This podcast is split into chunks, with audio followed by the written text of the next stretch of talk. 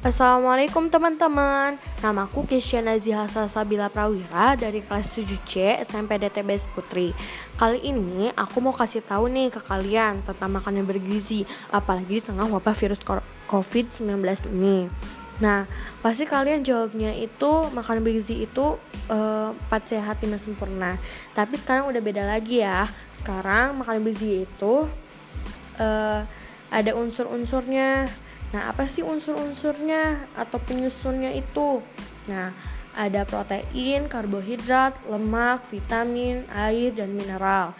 Makanan bergizi itu tidak perlu dan tidak selalu mahal, tapi harus sehat dan bergizi yang juga mengandung berbagai zat yang bermanfaat bagi tubuh kita. Nah, seperti karbohidrat yang akan dipecahkan oleh tubuh kita menjadi sumber energi protein yang dibutuhkan tubuh kita sebagai zat pembangun tubuh dan memperbaiki jaringan yang rusak. Lemak sebagai cadangan energi dan pelarut vitamin A, D, E, K. Vitamin dan mineral yang menjaga daya tahan dan kesehatan tubuh. Apalagi kan sekarang udah di tengah wabah corona ini, kalian harus benar-benar uh, makan vitamin supaya daya tahannya kuat dan imunnya tidak turun, tidak lemah. Nah, ada juga air yang sangat baik manfaatnya bagi apabila dikonsumsi 7 sampai 8 gelas per hari. Itu wajib banget supaya kita nggak dehidrasi. Nah, terus serat. Nah, serat ini yang dapat diperoleh diperoleh dari sayuran dan buah-buahan yang bermanfaat menjaga kesehatan dan pencernaan tubuh kita. Nah, mengapa sih makanan sehat dan bergizi itu penting? Karena makanan sehat bergizi dapat menjaga kita dari terserangnya penyakit seperti diare, diabetes, mellitus, mellitus, jantung, tifus, dan juga kolesterol. Nah, apalagi sekarang di tengah wabah corona atau covid-19 ini memang benar-benar dibutuhkan sekali makanan bergizi supaya imun kita tetap tinggi. Nah, tadi kita udah itu ya. Nah, terus dengan begitu kita perlu mengetahui bagaimana mengolah makanan yang sehat. Berbagai jenis makanan yang dapat diolah menjadi berbagai jenis jenis produk yang lebih tahan lama masa simpannya dan bernilai ekonomis misalnya daging dapat diolah menjadi bakso, sosis, dan nugget. Namun juga perlu diperhatikan cara pembuatan dan bahan tambahan pangan yang digunakan. Pengolahan lauk pauk harus dimasak sampai benar-benar matang karena dapat mengandung parasit dan kuman berbahaya. Tak perlu khawatir, pemanasan suhu yang tinggi dan penggorengan tidak banyak mengubah nilai gizi protein. Adapun cara mengolah sayuran mengolah sayuran ada baiknya kita mencuci terlebih dahulu sayur dengan air mengalir sebelum dipotong untuk mempertahankan zat gizinya untuk pengolahan sayuran sendiri, sebaiknya tidak dalam waktu yang lama untuk menjaga kandungan vitaminnya, kira-kira sampai 5 5 sampai 10 menitan aja. Nah, ada baiknya warna sayur yang sudah diolah masih tetap cerah, mengukus juga merupakan metode memasak sayuran yang yang paling sehat. Karena Cara ini lebih mempertahankan gizi dan mematangkan sayuran dalam waktu yang singkat. Alangkah baiknya kita in, jika ingin merebus sayuran, maka panaskan dulu airnya sampai mendidih, baru masukkan sayur dalam beberapa menit. Adapun cara-cara menentukan buah yang paling baik adalah buah yang masih segar dan sedikit diolah. Buah dan sayur dapat dijadikan garnis makanan. Buah juga dapat diolah menjadi manisan dan jus. Dalam makanan pokok, penelitian menemukan bahwa terjadi penurunan yang signifikan terhadap zat-zat gizi, kadar protein, parti gula gula reduksi. Apabila nasi disimpan dalam magic jar Magicom gitu ya. Selama 12 jam sampai 24 jam, penelitian juga menemukan bahwa susu dan jus yang didiamkan dalam suhu kamar akan bersifat asam dan menjadi media tumbuh kembang kuman dan bakteri basi ya. Um, maka dari itu segera habiskan susu dan jus sebelum 2 jam. Nah, jadi uh, ini tuh makanan bergizi itu memang sangat penting banget buat tubuh karena uh, supaya imun kita tuh gak turun apalagi di tengah wabah gini. Kan wabah ini tuh terserang kepada orang yang imunnya uh, sangat rendah. Jadi sudah kayak orang tua ya dari 70 ke atas atau 60 ke atas itu udah lansia dan itu imunnya mulai rendah banget. Jadi itu harus banget sih kayak harus makan makanan bergizi gitu. Nah uh, kita langsung aja ke 10 makanan bergizi. Nah jadi 10 makanan bergizi ini bisa membuat uh, teman-teman bakal jadi ini deh uh, insya Allah bakal uh, imun kalian bakal kuat daya tahan kalian kuat pokoknya kuat-kuat. Nah nih yang pertama itu buah alpukat. Kenapa buah alpukat? Karena buah ini bisa anda konsumsi kombinasikan dengan makanan lain. Misalnya telur dan roti tawar yang bisa dikreasikan menjadi makanan modern namun tetap bergizi. Nah, menu ini bisa dimakan saat sarapan keluarga. Jadi uh, ini tuh gampang bisa kalian uh, bawa ke mana-mana gitu, kayak bisa dibekal mungkin ya ke sekolah. Nah, terus ini selain mengurangi konsumsi karbohidrat pada nasi, menu roti tawar, selai alpukat dan telur juga bisa menjadi alternatif menu sarapan sehat yang modern. Jadi uh, karbohidrat itu nggak cuma nasi atau misalnya gandum enggak ini juga uh, alpukat alpukat ini bisa uh, mengurangi konsumsinya nasi karena karbohidratnya tinggi banget ya nasi. Oke. Yang kedua adalah pisang. Siapa sih yang nggak suka pisang ya? Nah Pisang ini salah satu buah yang berukuran sedang menyediakan 0,43 mg atau 33% dari vitamin B6 yang perlu Anda konsumsi dalam sehari. Nah, jadi teman-teman uh, sebenarnya kayak kalau di rumah aku ya, kalau di rumah aku ini kayak ada selalu ada pisang gitu. Karena ini kayak benar-benar kebutuhan.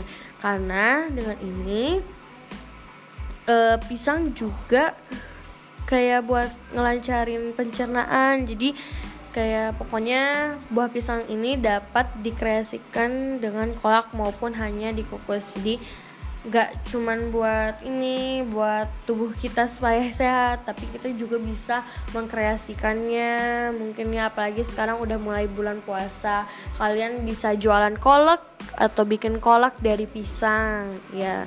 Nah nah bahkan pisang itu baik loh buat jantung dan mengurangi resiko tekanan darah yang tinggi ya. Nah sekarang strawberry nih strawberry emang sih uh, strawberry itu kayak asam gitu ya. Tapi makanan ini tuh bergizi ya kan? Makanan bergizi juga kan karena merupakan vitamin. Karena buah yang identik inde, identik dengan warna merah ini sangat tinggi nutrisi. Jadi nutrisinya itu tinggi banget ya. Uh, serta rendah karbohidrat dan kalori. Strawberry dipenuhi dengan kandungan vitamin C dan serat. Kenapa vitamin C? Karena vitamin C itu kan asam ya gak? Nah, strawberry bahkan bermanfaat untuk memutihkan gigi.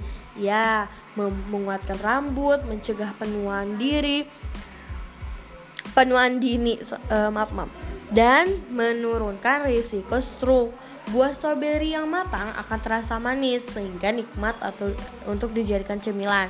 Nah, kalian pasti mikirnya ah, stroberi mah uh, asam padahal kalau udah mateng, udah bener-bener mateng itu bakal manis kok.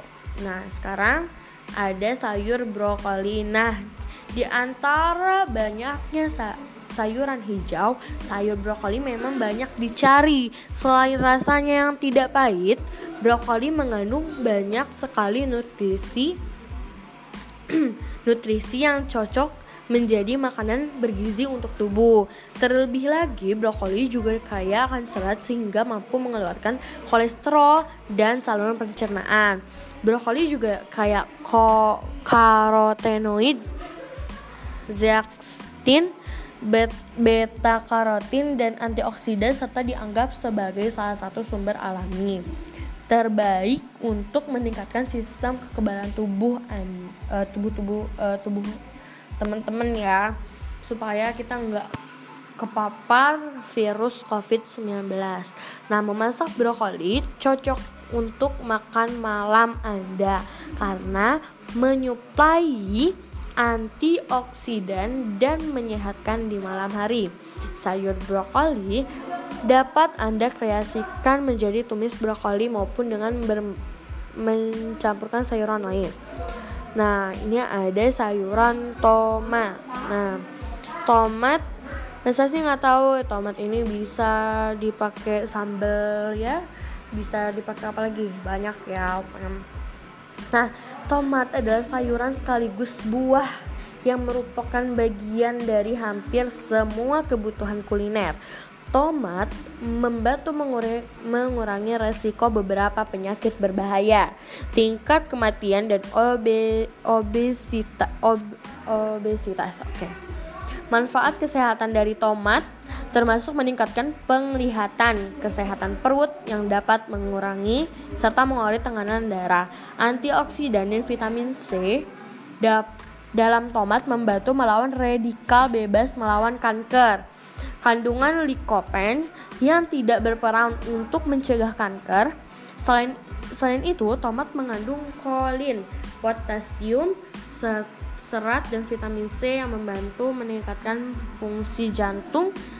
Bahkan buah merangkap sayur ini juga bagus untuk kesehatan kulit wajah. Nah, ada juga nih ikan salmon siapa sih yang nggak suka ikan salmon ya ini tuh biasanya ada suka di sushi e, bisa di dibakar eh ya pokoknya ya pokoknya gitu ya dipanggang oke nah salmon itu adalah ikan air tawar dan air laut secara umum sih salmon adalah spesies Andronomus, yaitu spesies yang beri, bermigrasi untuk berkembang biak. Salmon dianggap sangat ampuh untuk diet sehat karena beberapa manfaat yang ditawarkannya konsumsi salmon bagus untuk rambut kulit persediaan dan persendian dan otak.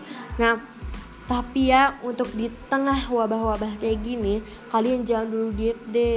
Kali uh, teman-teman harus uh, makan yang banyak biar uh, daya tahan tubuh kalian tuh ha kuat imunnya nggak turun. Jadi pokoknya kalian jangan diet diet dulu ya.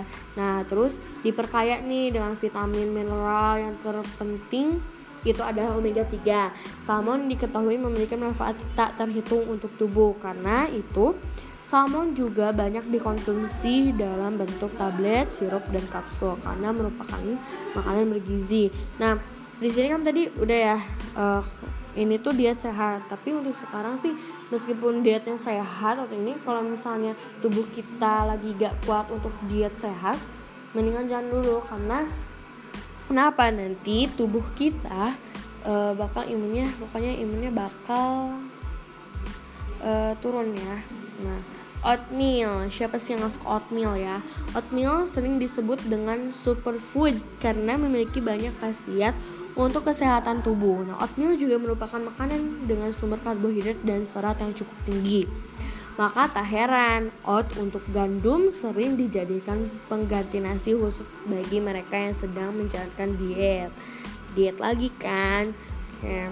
Semangkuk oatmeal di pagi hari dapat menurunkan risiko penyakit tekanan darah tinggi, diabetes tipe 2. Nah, diabetes itu memang uh, kayak lebih ke lansia ya karena memang sudah mungkin udah lanjut usia jadi diabetesnya tinggi tinggi tinggi gitu ya dan menurunkan kolesterol. Iya, kandungan serat yang tinggi membuat oatmeal menjadi menu sarapan yang ideal. Anda bisa menambahkan buah segar rendah gula, kacang atau susu yang kaya kalsium sebagai topping.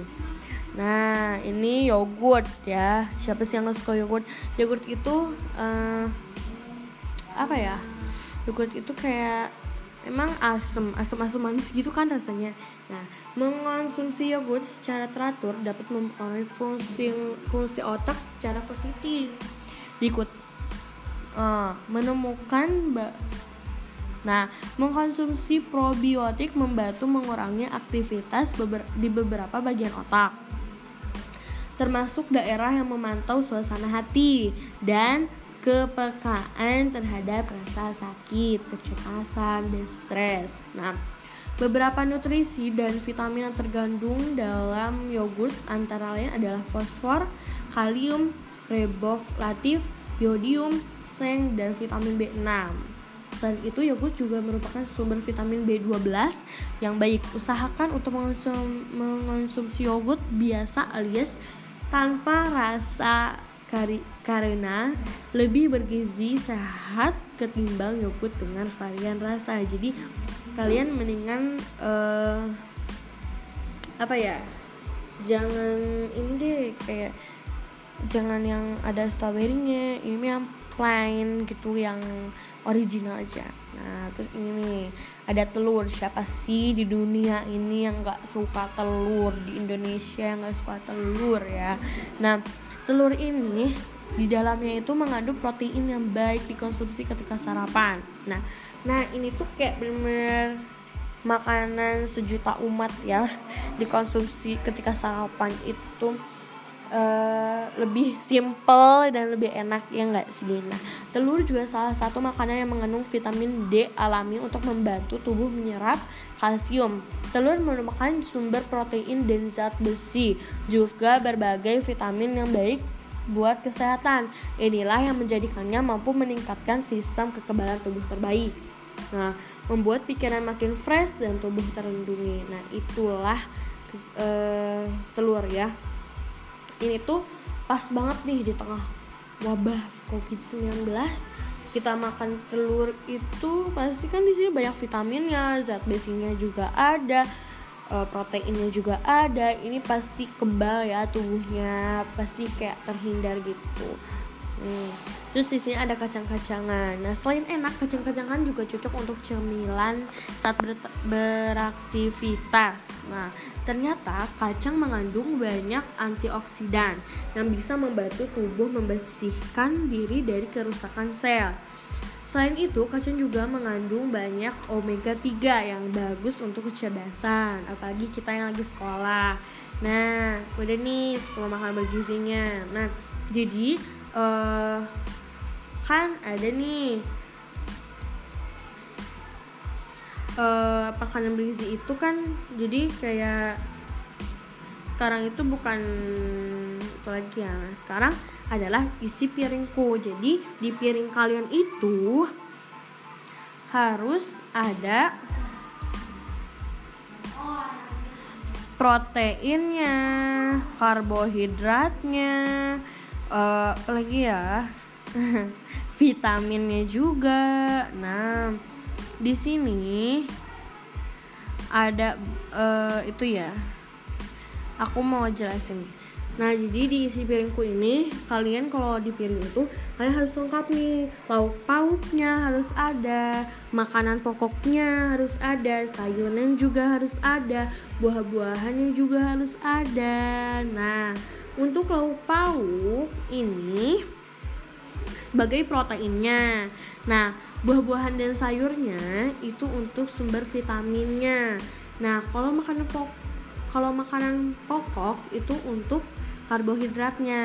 Jadi lengkap ya. Hmm. Nah, apa sih dampak kekurangan gizi itu? Nah, kekurangan gizi bisa berdampak nih anak besar banget, terutama pada anak-anak ya Seribu hari pertama bagi anak adalah masa yang sangat penting untuk mendapat asupan gizi yang cukup.